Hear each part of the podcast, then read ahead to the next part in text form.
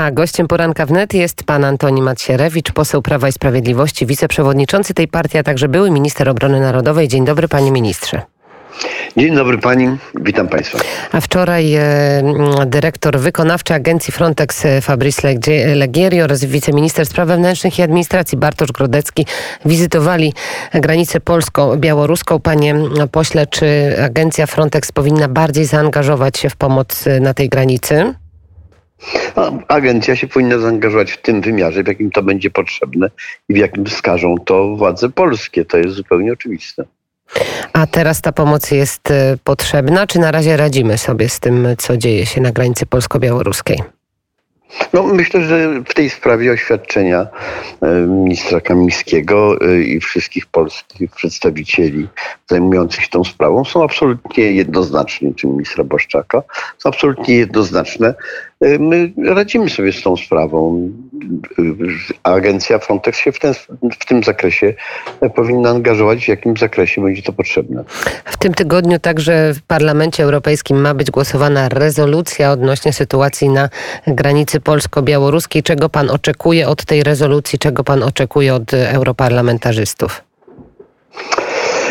No, Pani pyta, czego oczekuję. E, e, dotychczas europarlamentarzyści dosyć jednoznacznie się zachowywali wobec Polski negatywnie.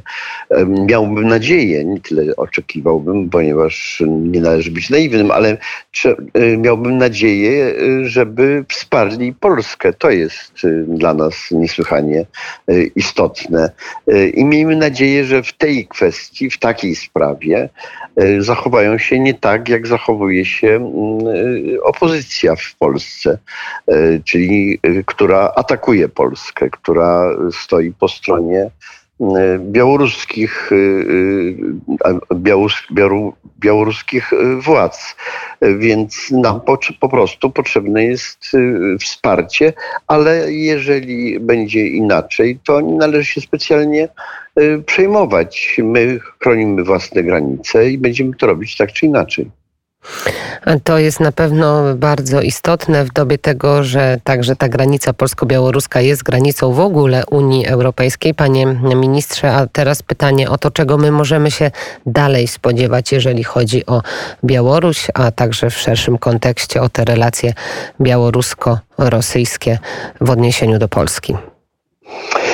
Pani redaktor, szanowni państwo, no trzeba jednak uważać z tym sformułowaniem, że granica Polski jest granicą Unii Europejskiej. Jest granicą Unii Europejskiej tylko i w tym znaczeniu, że y, następne państwo, Białoruś, nie jest y, państwem Unii y, Europejskiej, ale oczywiście pełna odpowiedzialność za ochronę tych granic to jest odpowiedzialność, która dotyczy Polski. Polska jest w tej sprawie absolutnie suwerenna. Nie należy tej formuły używać w ten sposób, jakby za działanie na tej granicy miał i to działanie miał, miał prawo interweniować ktoś inny poza Polską.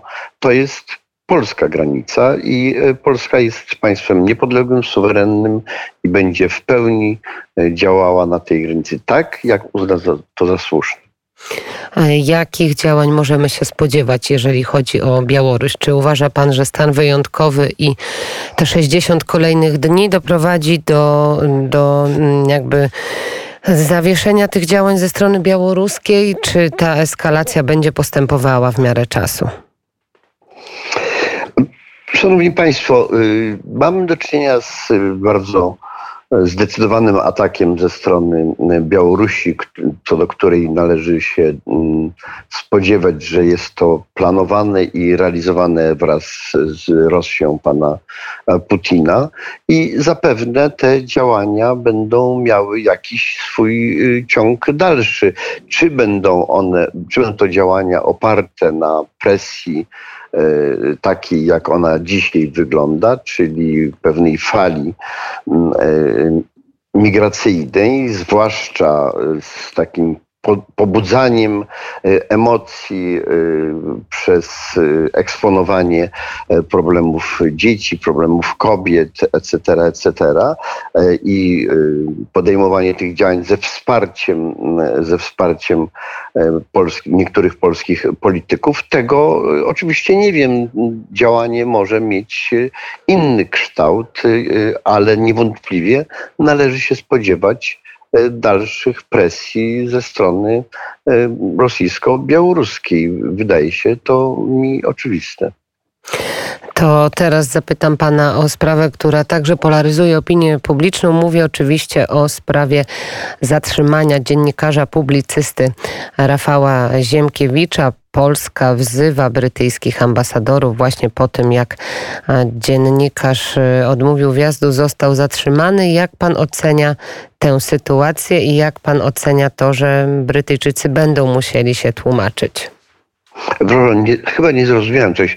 Pani powiedziała, dziennikarz odmówił wjazdu, chyba dziennikarzowi odmówiono wjazdu. Przepraszam, ja się, ja się dobrze przejęzyczyłam się. Pani wie więcej niż, niż ja. Nie chciałbym tutaj, e, tak powiem, polemizować e, z panią, jeżeli są jakieś inne fakty niż te, które do mnie docierały. To skandaliczna sytuacja. Jak wiadomo, punktem wyjścia jest tutaj działanie jednej z posłanek Wielkiej Brytanii, kompromitująca po prostu Wielką Brytanię i działania władz polskich są absolutnie takie, jakie y, powinny, powinny być. Miejmy nadzieję i takie mam wrażenie, że, y, że to w jakimś sensie powstrzyma Wielką Brytanię od dalszych tego typu działań, uświadomi im, że stało się coś naprawdę bardzo, bardzo dla tego państwa kompromitującego.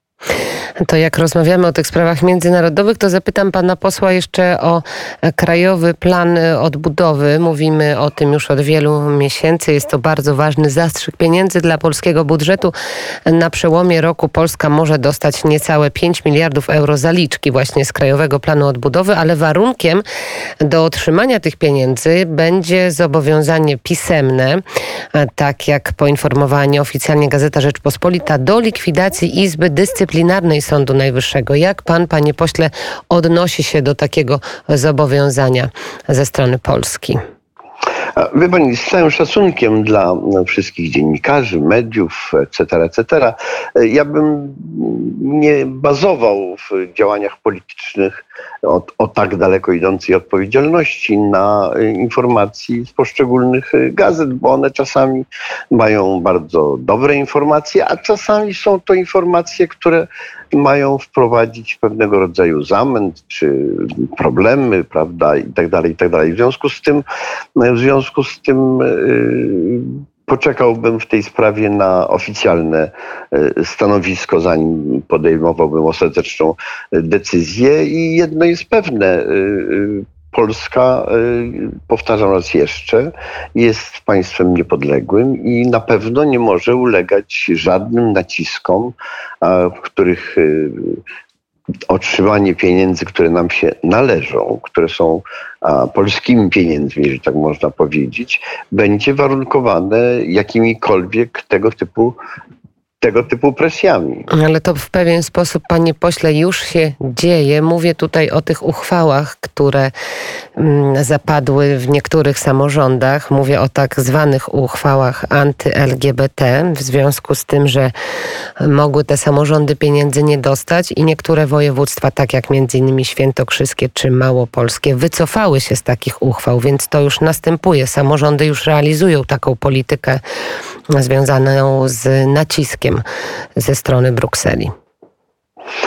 Wie Pani, y, bardzo jestem zaskoczony tym, co Pani przed chwilą powiedziała, bo Pani y, używa sformułowań, y, które są używane jako narzędzie presji na Polskę, w tym wypadku na, na samorządy. Z tego, co się orientuje, to są uchwały prorodzinne, a nie anty czemukolwiek. Jeżeli no, anty czemukolwiek, mhm. pani pozwoli, jeżeli anty czemukolwiek, to, to to są uchwały, które mają na celu chronić rodzinę a więc antyróżnym działaniom przeciwko, przeciwko rodzinie. I to jest naprawdę bardzo słuszne działanie, które jest Polsce potrzebne, które jest potrzebne polskim obywatelom i dobrze, że takie uchwały są podejmowane. I mam nadzieję, że te ci radni, którzy, jak pani mówili, e, zmienili uchwały, przyjmą jakby taki wzór, y, y, wzór województwa łódzkiego, gdzie jest karta praw, samorządowa karta praw rodziny y, przyjęta i nadal ona i słusznie obowiązuje. Warto wziąć z niej wzór. A to jest y, na pewno ważne i istotne, a także ważne i istotne jest y, to, y, mówię oczywiście o bardzo ważnej dacie, 10 sierpnia bieżącego roku, podczas swojego takiego plenarnego posiedzenia Sejmowa Podkomisja Smoleńska przyjęła raport końcowy. Panie ministrze, czy ten raport końcowy, który został przyjęty, będzie mm, oficjalnym raportem. Będzie on zastępował ten raport Komisji Jerzego Millera, który został przyjęty w lipcu 2011 roku. Pani redaktor, bardzo przepraszam, ale naprawdę w tym, co pani powiedziała, jest y, tyle nieporozumień, że najpierw trzeba je, najpierw trzeba je sprostować. Komisja Smoleńska, jak pani to nazywa, nie jest komisją sejmową, lecz komisją państwową. E, nie ma komisji e, sejmowej smoleńskiej. E, taka komisja istniała do 2015, 2015 roku. To jest komisja państwowa i rzeczywiście został przegłosowany, przyjęty, jednomyślnie zresztą, raport w sprawie dramatu, dramatu smoleńskiego i siłą rzeczy, tutaj nie ma kwestii pytania, ponieważ to jest, y, to jest ustawowa decyzja. Siłą rzeczy jest to stanowisko państwa polskiego. Tak właśnie jest. Kiedy poznamy treść tego raportu? Rodziny już je poznają. Rodziny już je poznają, rodziny się zapoznają z tym raportem i jak skończy się y, zapoznawanie się rodzin, zostanie on opublikowany. Jak pan myśli, jaki to jest czas? Czy ma, ma mm, komisja? Nie chciałbym, nie chciałbym formułować nie, nie chciałbym formułować w tej sprawie żadnego, żadnego terminu, dlatego bo to jest później używane jako narzędzie przeciwko komisji przez różnorodne e, media, które właśnie, jak, tak jak się zdarzyło w tym wypadku, e, posługują się danymi no, nie, nieprecyzyjnymi, o tak to, tak to sformułujmy. E, ten atak na komisję w różny sposób używany w różny sposób realizowany jest dla mnie szok nie ukrywam. E, dlatego, bo to, że Rosjanie e, atakują komisję, to jest absolutnie oczywiste, tak jak atakują polskie e, granice. Za to atakowanie komisji, która przedstawiła raport pokazujący, jak doszło do tej tragedii, jak doprowadzono do śmierci, zabicia polskiej elity, jest dla mnie po prostu szokujące to antypolskie działanie, więc miejmy nadzieję, że nie będzie to dotyczyło tak znakomitego radia jak radio wnet. Y, Jeśli chodzi o terminy, powtarzam raz jeszcze, to zależy tylko i wyłącznie od tego, jak długo będą rodziny się z tym zapoznawały. A jak pani pośle, któraś z rodzin zdecyduje się albo powie publicznie, żeby nie publikować tego raportu, będzie pan miał wtedy związane ręce? Co w takiej sytuacji na przykład? Znaczy z całym szacunkiem, z całym szacunkiem, ale to jest y, decyzja y, państwowa, która, y, w której chodzi o to, że obywatele mają pełne prawo do zapoznania się z tym. No to raportem. na co czekać, panie pośle? No to, pani, jeżeli pani nie pozwoli, czekajmy. Jeżeli pani, jeżeli pani, pani redaktor pozwoli. Oczywiście, oczywiście, jeśli chodzi o załączniki do raportu, w tym załączniki związane z badaniem, analizą mm, y, śmierci mm, poszczególnych osób, to tutaj rodziny mają absolutnie pełne prawo do eliminowania treści, które uznają dla siebie za no, kluczowe i ważne i takie, które nie powinny być przekazywane publicznie. To jest zupełnie oczywiste. Tutaj, ma, tutaj jest pełna gestia rodzin. Czyli może to szybko nie nastąpić, bo każda rodzina może mieć różne zastrzeżenia do tego dokumentu, jak pan wie, i nie, może to nie, być nie, bardzo długa droga. Nie, przepraszam, pani redaktor, nie zrozumiała pani tego, co powiedziałem. To dotyczy wyłącznie załączników. Dotyczy wyłącznie załącznika, y, do, y, znaczy załączników, bo jest ich kilka, jeśli chodzi o analizę y, śmierci poszczególnych osób. To dotyczy wyłącznie tego, to nie dotyczy raportu jako takiego.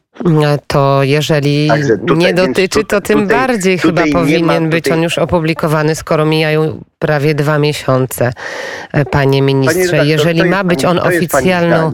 To jest, to jest Myślę, że nie tylko moje. Pani? E, jeżeli ma być on zastąpieniem raportu pani Komisji Jerzego pani Millera, to jest bardzo ważny dokument, przełomowy wręcz. Wracając jeszcze dobrze, że pani, że pani przywołała sprawę e, pana mm, ministra Jerzego Millera. Y, tak zwany raport pana Jerzego Millera został unieważniony przez y, komisję już w roku 2018 i on nie jest y, dokumentem państwowym od tego czasu. Ze względu na zakres kłamstw, oszustw i nieprawd został on unieważniony raportem technicznym naszej komisji i to zostało w sposób oczywisty, to naturalne, przyjęte także przez opinię międzynarodową. E, tego typu konsekwencje przyjęła także Rada Europy w swoim raporcie, który został e, opublikowany w jesienią, we wrześniu 2018 roku. Bardzo dziękuję za ten głos i czekamy na opublikowanie raportu jak najszybciej, żebyśmy go mogli analizować na antenie. Bardzo dziękuję. Pan poseł Antoni Macierewicz, Prawo Bardzo i Sprawiedliwość. Bardzo się cieszę, że Państwo na to czekają i zapewniam pań, Panią i Państwa, że stanie się to jak najszybciej, gdy tylko zakończy się zapoznawanie rodzin z tym raportem. Dziękuję, dziękuję bardzo. Pan Antoni Macierewicz, wiceprzewodniczący Prawa i Sprawiedliwości. Sprawiedliwości, a z nami teraz e, zespół ze Śląska, chyba jeden z najbardziej rozpoznawanych zespołów. Mówię oczywiście o zespole e, śpiewu i tańca Śląsk, ale nowe aranżacje z, tutaj zrobił i wymyślił Miłosz. Pieśń pierwsza z tej pięknej płyty z pieśni współczesnych.